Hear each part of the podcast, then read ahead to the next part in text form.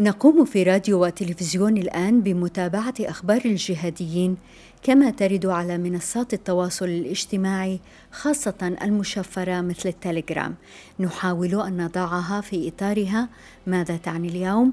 وكيف ترتبط بما كان أمس؟ وكيف ستؤثر في الغد؟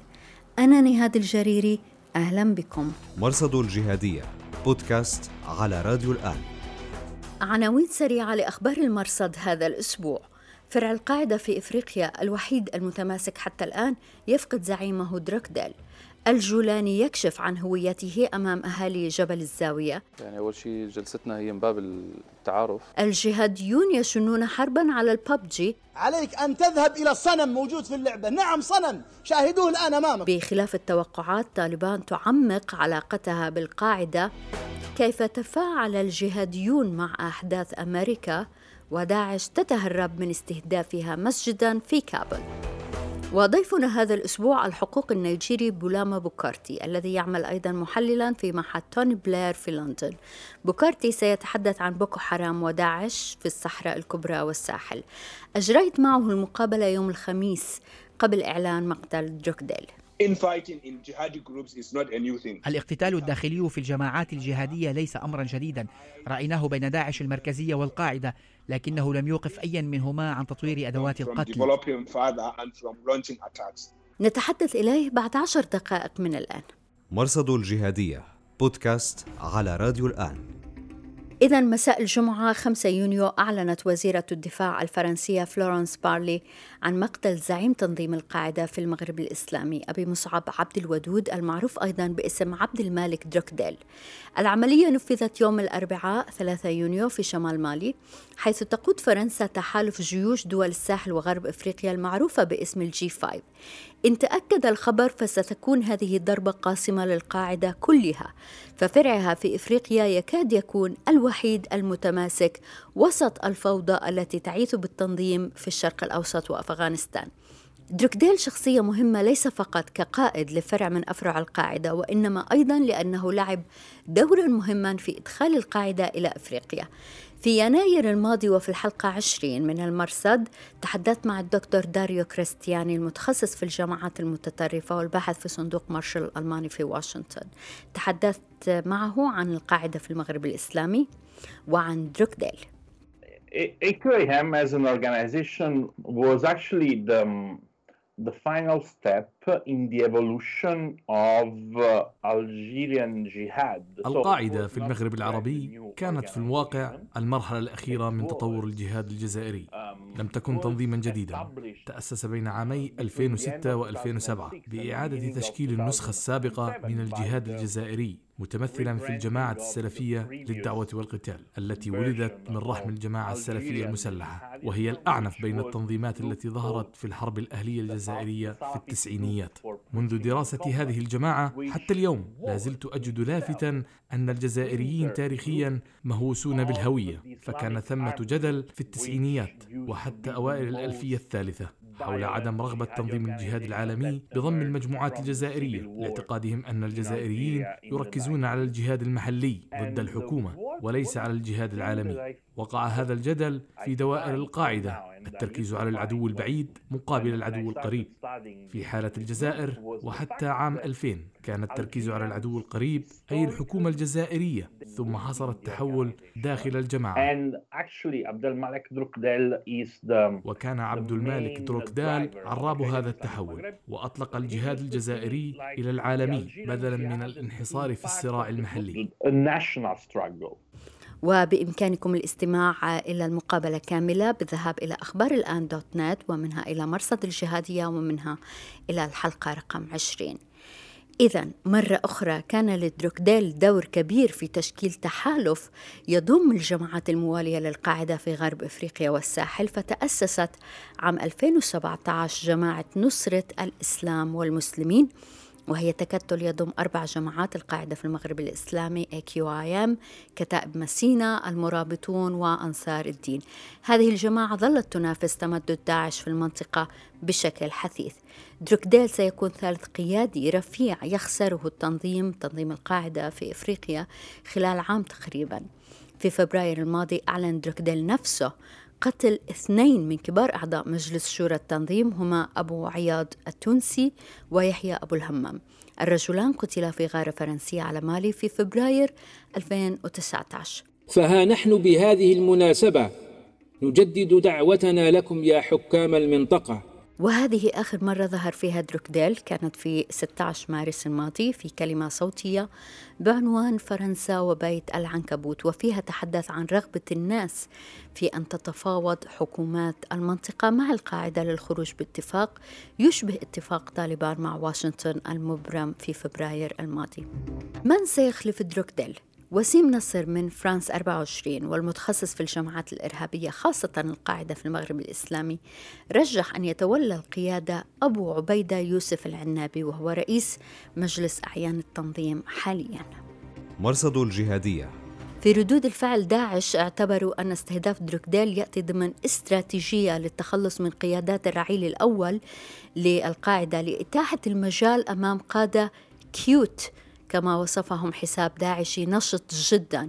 قال إن هؤلاء معروف عنهم ولعهم بالتفاوضات كبردار بخراسان وبطر في في اليمن والعنابي سيكون بالساحل. انتهى الاقتباس. حسابات موالية للقاعدة وهيئة تحرير الشام على حد سواء. نشرت تعازي بالرجل بكته ودعت له. لكن لفت حساب التوحيد اولا لأبي محمد المقدسي منظر الجهادية السلفية. ألمح للخبر من دون أن يذكر دروكديل وقال انتشر خبر في هذه الفترة ولا نعلم إن كان صحيحا أم أنه كما هو معتاد من قبل العدو ليصل من خلاله لغاياته الخبيثة بالترصد وجمع المعلومات ولو كانت صغيرة ليصل من خلالها للشخص المقصود. والله إحنا هذا عشمنا بأهل جبل الزاوية إحنا جايين نسمع هذا الكلام يعني. يواصل الجولاني ظهوره الإعلامي في الأماكن العامة والمناسبات على نحو غير مسبوق. أنصار داعش يتخذون من كل ظهور إعلامي فرصة للسخرية. أحد الحسابات علق يعمل سنابات ويخلصنا. مؤيدو الهيئة يرون أن هذا الظهور دليل أن الهيئة هيئة تحرير الشام ستغير سياستها في مناطق سيطرتها. ويعلق آخر البقاء بالقرب من الحاضنة ومراعاة ما تريد صور نجاح الجماعات على مر العصور.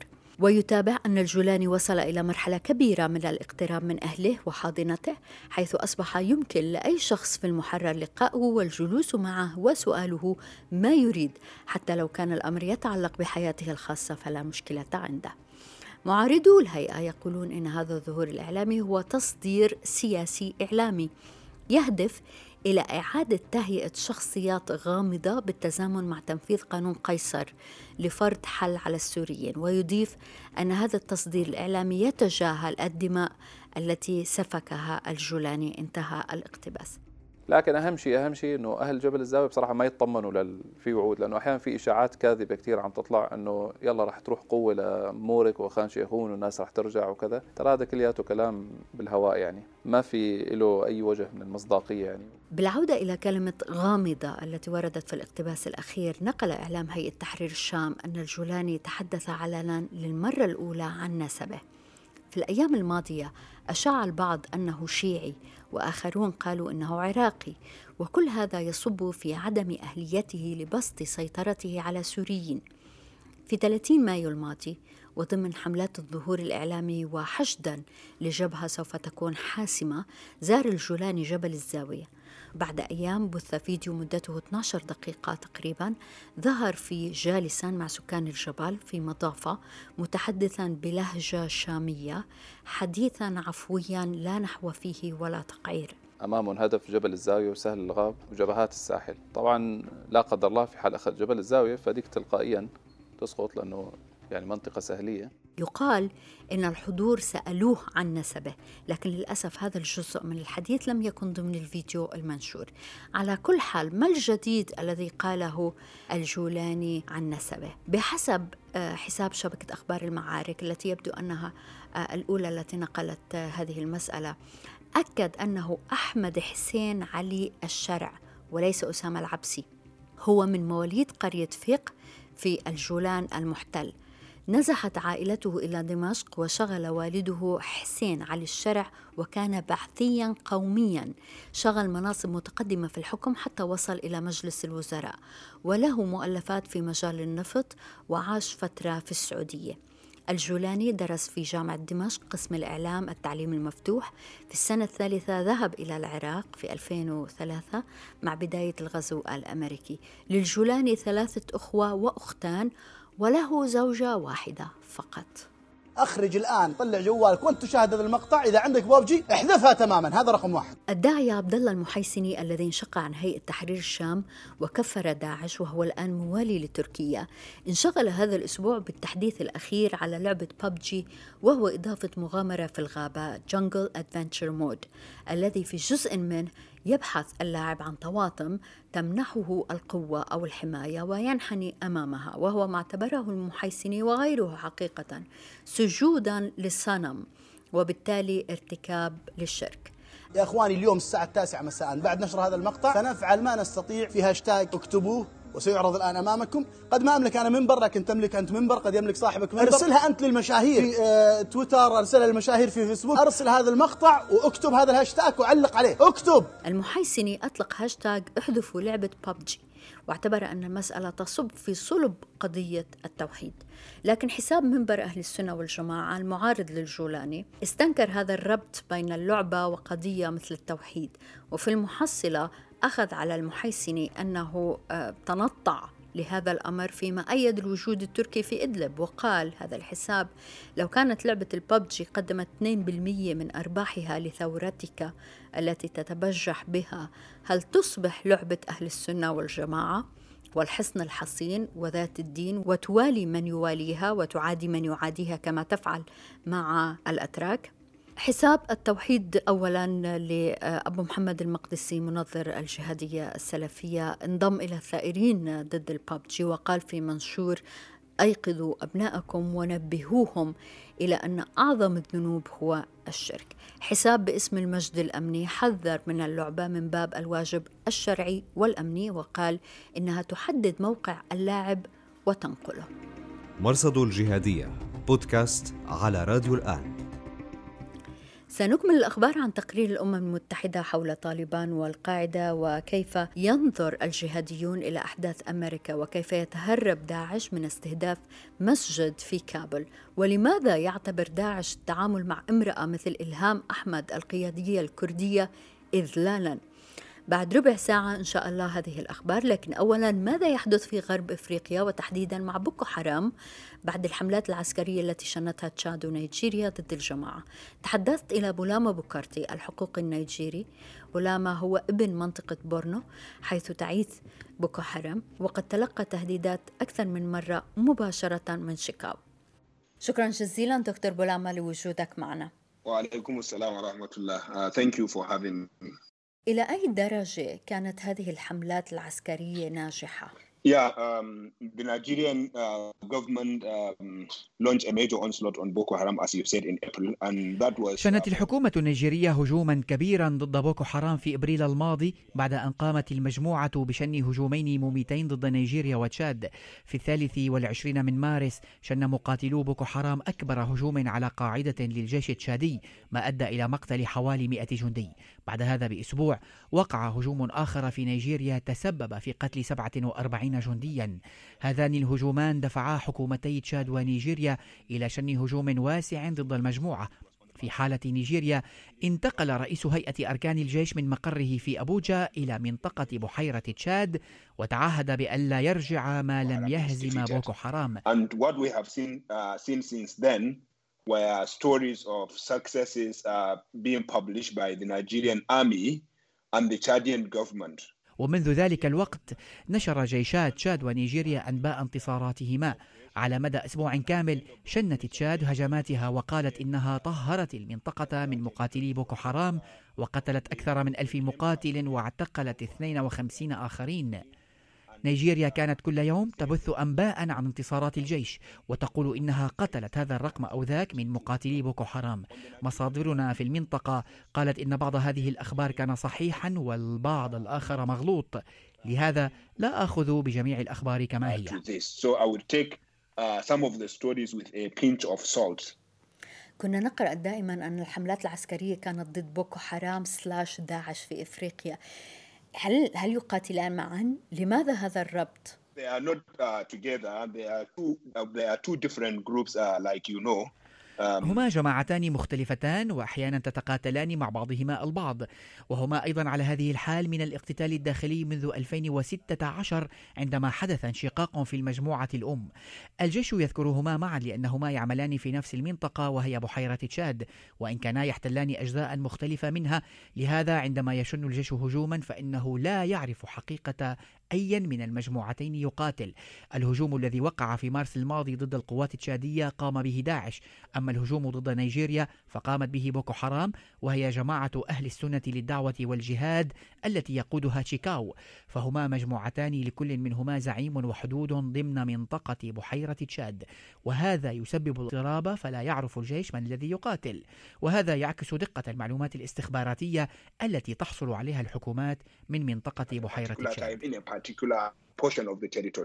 لماذا لم تنجح هذه الحملات في اجتثاث بوكو حرام؟ لأنه واضح أنه الإرادة السياسية كانت متوفرة. Yes, uh, and uh, this is um, a simple but uh, complex question. Number one, هذا سؤال من قبيل السهل الممتنع. ثمة ثلاثة أمور يجب اعتبارها. أولا من الصعب أن تكسب حرب عصابات. رأينا كيف قاتلت أمريكا في أفغانستان عشرين عاما تقريبا لينتهي الأمر بإبرام صفقة.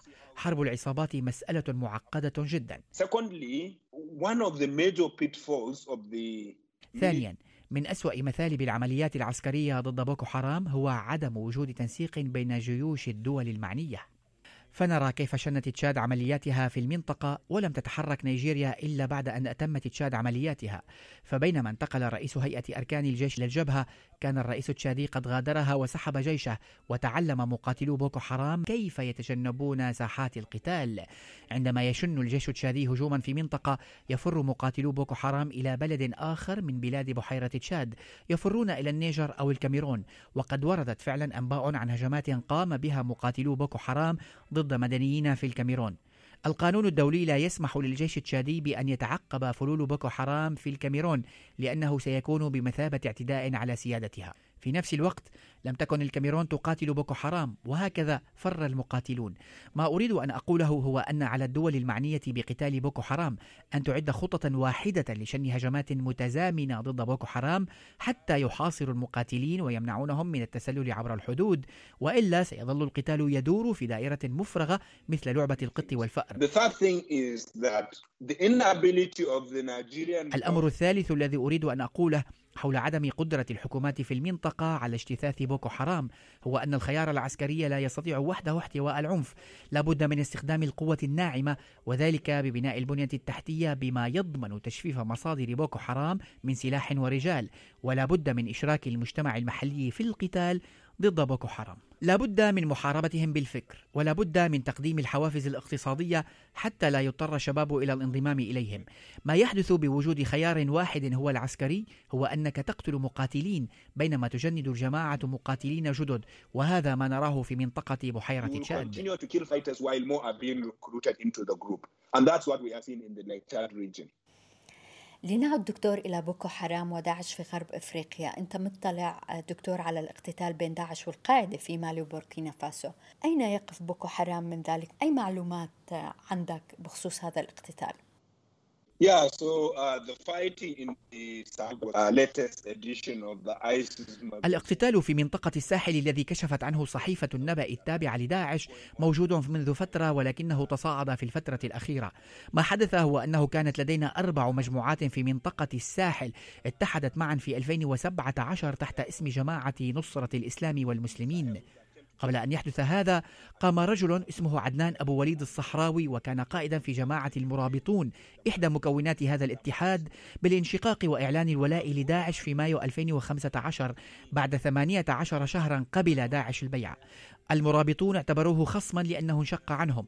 منذ ذلك الوقت بدأ التوتر وتصاعد عندما أعلن المرابطون والقاعدة في المغرب وأنصار الدين وكتائب مسينا اتحادهم في جماعة نصرة الإسلام والمسلمين التي باتت تنظر إلى داعش في الصحراء الكبرى كمصدر تهديد. فبدأوا يقتلون من ينشق عنهم وينضم إلى داعش حتى وصلنا إلى ما وصلنا إليه اليوم عندما هاجم داعش مواقع جماعة القاعدة. الخلاصة هي أن هذا الاقتتال ليس جديدا وبدأ منذ 2016 عندما حدث الانشقاق في بوكو حرام. وقعت حرب أهلية بين المجموعتين وقتلا بعضهما البعض. شيكاو قتل من الفئة الأخرى والفئة الأخرى قتلت من جماعة شيكاو. هذا هو الواقع في منطقة بحيرة تشاد. You know, some people may say, oh, there are two bad elements. لكنني أود أن أحذر من أمر مهم. البعض يستبشر عندما يرى عدوين يتقاتلان. نقول لا أس عليهما هذا أمر جيد. لكن الحقيقة هي أنه ليس أمرا جيدا لأن هذا التنافس سيزيد من جهود التجنيد وتطوير تقنيات وأدوات الحرب بينهما وستحاول كل مجموعة أن تكون أفضل من الأخرى وهذا كله على حساب المدنيين والجيش سواء. الاقتتال الداخلي في الجماعات الجهادية ليس أمرا جديدا. رأيناه بين داعش المركزية والقاعدة لكنه لم يوقف أيا منهما عن تطوير أدوات القتل. ما لم تجتمع دول بحيرة تشاد وتصمم استراتيجية لاستغلال هذا التناحر لمصلحتها فلن يكون الاقتتال خبرا جيدا في آخر مرة حكينا نقلت لنا أخبار دكتور عن اقتتال داخلي في داعش في غرب إفريقيا داخل الجماعة ومقتل آه، قائدها أبو إدريس البرناوي هل لديك تفاصيل شديدة؟ Uh... لا تفاصيل لدينا. بعد أن تحدثنا آخر مرة وردت تقارير تؤكد قتل البرناوي فلم يظهر على العلن ونفترض أنه قتل وأن أبو شيما والذي يسمى أحيانا بلوان أبو بكر تولى زعامة داعش في إفريقيا من بعده. لكننا لم نرى أي فيديو جديد أو رسالة منه. لكن المصادر على الأرض لا تبدو أنها تناقض هذا الأمر. And there is nothing to contradict that. قرأت لك تغريدة أنه الطلب من المغتصبين وقف الاغتصاب بيشبه الطلب من بوكو حرام إعادة فتيات تشيبوك. ذكرنا دكتور لماذا النساء والبنات في صلب استراتيجية بوكو حرام؟ Unfortunately, um, Boko, Boko Haram is perhaps the most notorious group when it comes to بوكو حرام من أكثر الجماعات استغلالا للنساء والبنات. نذكر أن الجماعة اختطفت 276 فتاة من مدرسة شيبوك في أبريل 2014 كانت معظمهن مسيحيات. فرضت الجماعة عليهن اعتناق الإسلام كما تراه بوكو حرام. وقالوا إنهم زوجوهن لمقاتلي الجماعة لكنه لم يكن زواجا بل استغلالا جنسيا. الزواج باطل فالزواج لا يصح إلا بموافقة الوصي ودفع الصداق ووجود الشهود. ونعلم يقينا أن الأوصياء لم يوافقوا على الزواج ونشك حتى في أن الفتيات كن في سن الزواج أصلا ولم يتم دفع الصداق حسب ما يقتضي الشرع. بوكو حرام استغلت هؤلاء الطفلات. خلال الأعوام الستة الماضية تم إنقاذ 120 فتاة إما من خلال المفاوضات مع الحكومة النيجيرية أو بعد أن حالفهن الحظ وهربن من قبضة بوكو حرام لكن لا تزال 100 بنت مختطفة لدى داعش. وتقول بعض الأخبار إن بعضهن قد مات إما في الغارات الحربية أو من المرض أو أثناء الولادة أو بسبب الجوع فالمنطقة فقيرة والحصول على الطعام صعب. حتى الآن لا تستطيع الحكومة ولا بوكو حرام تأكيد عدد الفتيات المتبقيات. ولا يتعلق الأمر بفتيات تشيبوك وحسب ثمة آلاف البنات المختطفات الآن لدى بوكو حرام التي تهاجم المجتمعات المحلية فتقتل الرجال وتخطف النساء لاستعبادهن للجنس واستغلالهن في الهجمات الانتحارية. يضعهن في غرفة عاما كاملا ويفرضون عليهن المخدرات ويلبسهن الأحزمة الناسفة ويرسلوهن إلى المواقع المدنية مثل الأسواق التي يتردد عليها النازحون. فيفجرن أنفسهن في البشر. فتيات شيبوك رمز يذكرني بكل النساء والأطفال المختطفين لدى بوكو حرام وأولئك الذين يعانون من العنف الجنسي على أيدي مقاتلي جماعة ثمة الآلاف منهن. حتى يتعافى المجتمع بعد أن نقضي على بوكو حرام يجب أن نعالج مسألة العنف الجنسي الذي يرتكبه مقاتلو الجماعة ضد النساء والبنات وإلا فلن نتعافى من الصدمة. كيف هو الوضع الآن في مناطق سيطرة بوكو حرام في ظل انتشار كوفيد 19؟ Yeah, so uh, COVID-19 is a big um, challenge to the war against Boko Haram. يشكل كوفيد 19 تحديا كبيرا للحرب ضد بوكو حرام والعكس صحيح ما رأيناه في الأشهر الأخيرة هو أن بوكو حرام يعطل الحرب ضد الكورونا والكورونا يعطل الحرب ضد بوكو حرام. الهجوم في تشاد الذي قتل مئة جندي تشادي جاء بعد أربعة أيام فقط من إعلان أول حالة مصابة في تشاد. ومع ارتفاع أعداد المصابين بالمرض في نيجيريا وقع الهجوم الذي قتل 47 جنديا. وماذا حصل بعد ذلك؟ رأينا الرئيس التشادي يغادر العاصمة ويترك الحرب على الكورونا من أجل قتال بوكو حرام. ورأينا رئيس أركان الجيش النيجيري الذي كان يعد لفرض الحظر والمساهمة في الحرب على الكورونا يترك العاصمة وينتقل إلى منطقة بحيرة تشاد. فالمصادر التي يجب أن تذهب في مكافحة المرض تتحول إلى قتال بوكو حرام والمصادر التي يجب أن تستثمر في قتال بوكو حرام تذهب لمكافحة المرض.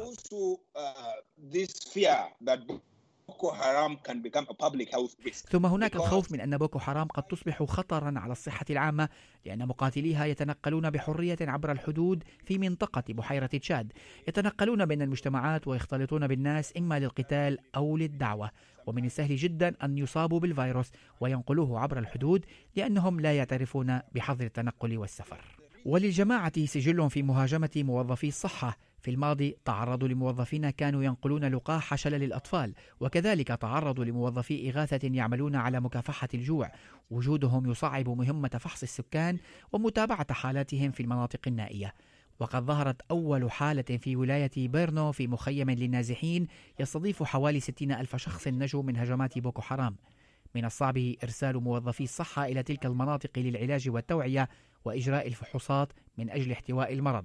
وفي حال تم تطوير اللقاح سيكون صعبا توزيعه في تلك المناطق من بحيرة تشاد لأن بوكو حرام سيهاجمون الموظفين وعليه جماعة بوكو حرام تشكل تهديدا للأمن والصحة العامة على حد سواء. So Boko Haram is not only a security threat now, it is also a public health risk. دكتور بولاما بوكارتي الحقوقي النيجيري والخبير في توني بلير للتغيير العالمي في لندن شكرا جزيلا لوجودك معنا Yeah, thank you, sister, for your great work, and thank you to Alan uh, for your excellent work. وتجدون رابط حساب بولاما على تويتر في نص هذه الحلقة أخبار الآن دوت نت ومنه إلى مرصد الشهادية ومنه إلى الحلقة 39 وشكرا للزميل سامي زرقاء على الفويس أوفر مرصد الجهادية بودكاست على راديو الآن. نتابع أخبار المرصد. في 27 مايو 2020 نشرت الأمم المتحدة تقريرها الحادي عشر الخاص بلجنة متابعة القرار 1988 الصادر في 2011 والذي يفرض عقوبات اقتصادية على طالبان. أهم ما في التقرير تعلق بالعلاقة بين طالبان والقاعدة في ضوء اتفاق السلام المبرم مع واشنطن في فبراير 2020 والذي بموجبه تنسحب أمريكا من أفغانستان. في المقابل توقف طالبان عداءها للحكومة الأفغانية بل وتشارك في الحكم المدني الديمقراطي وتقطع علاقتها بالقاعدة وهنا مربط الفرس. نذكر أن القاعدة باركت الاتفاق وجددت البيعة والولاء لزعيم طالبان هبة الله أخنزادة. تقرير الأمم المتحدة يقول أن العلاقة بين طالبان والقاعدة لم تضعف بل تعمقت. فكانت طالبان تعقد اجتماعات منتظمة مع القاعدة طوال فترة الإعداد للاتفاق مع واشنطن للتشاور في البنود وتقديم الضمانات التي تساعد طالبان على الوفاء بالتزاماتهم. أهم هالاجتماعات كان اجتماع عقد في ربيع 2019 في ناحية سيرفان قلعة من ولاية هلمند مثل طالبان في الاجتماع قادة رفيعو المستوى من بينهم جل آغا عشقزاي المستشار السابق للملا عمر الأب الروحي لطالبان ومن القاعدة حمزة بن أسامة بن لادن الذي تلقى ضمانات شخصية بأن طالبان أو ما يسمى الإمارة الإسلامية لن تقطع علاقتها مع القاعدة مقابل أي ثمن كان. يدلل التقرير أيضا على عمق العلاقة بين الطرفين من خلال علاقة القاعدة بشبكة حقاني. يذكر التقرير أن أيمن الظواهري زعيم التنظيم التقى في فبراير 2020 بأعضاء من شبكة حقاني للتشاور حول عملية السلام. وكان من بينهم يحيى حقاني الذي قام بدور ضابط ارتباط بين الشبكة والقاعدة منذ منتصف 2009 الحقيقة هذا التفصيل مهم لأنه كمان يؤكد أن الظواهر على قيد الحياة وبصحة تمكنه من عقد اجتماعات معقدة على الأقل حتى فبراير الماضي. بالعودة للعلاقة مع طالبان وشبكة حقاني نذكر أنه ظواهري في مايو 2019 رثى جلال الدين حقاني زعيم الشبكة وقدم العزاء لزعيم طالبان هبة الله أخنزادة بصفته أمير المؤمنين. ذكر التقرير أيضا آه، من ضمن الترتيبات بين الفريقين بين الطرفين القاعدة وطالبان أن أقامت القاعدة معسكر للتدريب في شرق البلاد. وأصدرت طالبان أوامر لعناصرها بتسهيل حركة مقاتلي القاعدة من الجنوب إلى الشرق. ويزيد التقرير أن لقيادة وأعضاء القاعدة في شبه القارة الهندية حضور كبير في مناطق طالبان ويدلل على ذلك بأن غارة أمريكية في سبتمبر 2019 قتلت زعيم المجموعة عاصم عمر وآخر كان يعمل حلقة وصل بينه وبين الظواهري بالإضافة إلى عدد من النساء الأجنبيات. ويشير التقرير إلى أن عمر كان ألقى خطبة في عيد الفطر هنأ فيها أمير المؤمنين هبة الله أخنزادة زعيم طالبان. وكل هذه إشارات على عمق الترابط بين طالبان والقاعدة. مرصد الجهادية. صدر العدد 237 من صحيفة تنظيم داعش الأسبوعية النبأ بافتتاحية عنوانها فوضى أمريكية بعد الفيروس الصيني. الخلاصة في أن ما يجري في أمريكا الآن يشبه ما حصل مع وباء كورونا. في البداية أنكره العالم وحصره في الصين حتى عم الدنيا في النهاية وتجاوز الحدود. نقرأ في الافتتاحية ولذلك فإن العالم كله معرض لهذا النمط الأمريكي من الفوضى والاضطرابات. وستتفاوت تأثيراتها في مختلف البلدان بحسب قوة الأمراض التي تسكنها وقدرة أنظمتها السياسية والأمنية والاقتصادية على مقاومة جائحة الاحتجاجات وتجاوزها دون حصول انهيار كامل فيها. ولعل ما نراه في أمريكا سيكون هينا إذا ما قد يصيب غيرها لقوة النظام الداخلي الأمريكي وتجربته الطويلة في التعامل مع الاضطرابات من هذا النوع. خلال قرن من الزمن انتهى الاقتباس. في نظر داعش كل هذا سيشغل الغرب بمشاكله وسيكون بين قوسين نصرا آخر لداعش وفرصة لشن مزيد من الإرهاب. في ردود الفعل على أحداث أمريكا حساب مناصر لداعش وصف ما يجري بأنه حرب أهلية وقال مشاهد لم تكن لترى سوى في أفلام هوليوود الأمريكية التي تجسد نهاية العالم ها نحن نراها مباشرة. حساب التوحيد أولا لأبو محمد المقدسي منظر السلفية الجهادية آه، قال إن ما يحدث في أمريكا مفرح جدا لنا ويدعونا للشماتة. حساب آخر موالي للقاعدة علق على الصورة التي ظهر فيها شاب من بنش شرق إدلب يرسم جورج فلويد وعبارة I can't breathe علق بأنه نفاق على أساس أنه فلويد كافر لا يجوز اعتباره رمزا ويقول لا يهمنا إن قتل في أمريكا أبيض أو أسود فقد قتل منا النظام المجرم عشرات الآلاف من المسلمين. ونعود إلى النبأ آه، في حصاد الأجناد لهذا الأسبوع آه، سجل داعش 61 هجمة منها 50 في العراق. في عنوان فرعي قالت النبأ أن هذه الهجمات تأتي برغم عشرات الحملات في العراق. وإجمالا برز من هجمات التنظيم في العالم قتل 15 فرد من الجيش الفلبيني وجماعات موالية له في كمين جنوب الفلبين. هجوم على مركز للشرطة جنوب إندونيسيا قتل ضابطا وتفجيرات متفرقة في كابل قتلت 14 شخص. من هؤلاء الذين قتلوا موظفون يعملون في محطة تلفزيون خورشد كانوا يستقلون حافلة عندما انفجرت قنبلة في الطريق. ومنهم أيضا الداعية أياز نيازي من جمعية العلماء. وهذا خبر جدير أن نتوقف عنده لأن العمودين اللذين خصصا لهذا الهجوم أسهبا في وصف الداعية بالطاغوت الذي يدعو لمحاربة داعش وأمثالهم. وتفاخر بأن التفجير تم داخل الحي الدبلوماسي الحصين لكنه لم يذكر أن الهجوم وقع في مسجد في وقت تجمع فيه الناس لأداء صلاة المغرب. قتل مع نيازي مصل ثان هذا الأسبوع الحسابات المؤيدة لهيئة تحرير الشام ازدحمت بأخبار ليبيا والمباركة للسراج ضد حفتر في ضوء أحداث الأيام الأخيرة. مظهر لويس عضو اللجنة الشرعية في الهيئة نشر تغريدة يهنئ قوات السراج. في نفس الوقت يشمت هؤلاء أنفسهم. بالجيش الوطني التابع للمعارضة السورية الذي يقال أنه أرسل قوات بناء على طلب تركيا للقتال مع السراج ضد حفتر ومنطلقهم هو أن تأييد السراج يعني تأييد حكومة علمانية وبالتالي لا اختلاف بين السراج وحفتر في نهاية الأمر هم يهنئون السراج. هذه مفارقة. لكن حساب باسم مزمجر الثورة السورية المتخصص بفضح تعاملات هيئة تحرير الشام ومعارض للجولاني نشر ما يناقض ذلك وقال إن الجولاني أرسل 300 مقاتل من بينهم شخص كان قائد مجموعة نشر له صورة قال إنها في ليبيا. مرصد الجهادية. لفت حساب مناصر لداعش حساب نشط جدا. نشر صورة تجمع القيادية الكردية إلهام أحمد مع رجال عشائر عربية في ريف القامشلو ويقول هذا الحساب أنه إرسال امرأة إلى تلك العشائر هو إذلال ويعقب كان المفروض أن يتم إرسال لهم بدلا عنها القيادي ألدار. هذا يظهر رؤية هذه الجماعات للمرأة بغض النظر عن موقعها. استعنت بصديقي محمود بالي الصحفي الكردي في عين العرب كوباني وقال السيدة إلهام هي الرئيسة المشتركة لمجلس سوريا الديمقراطية مسد الجناح السياسي لقسد الجامع للملل والأعراق في شمال وشرق سوريا. أما الدار فهو عضو المجلس الرئاسي لحزب البايدة وهو حزب كردي صرف.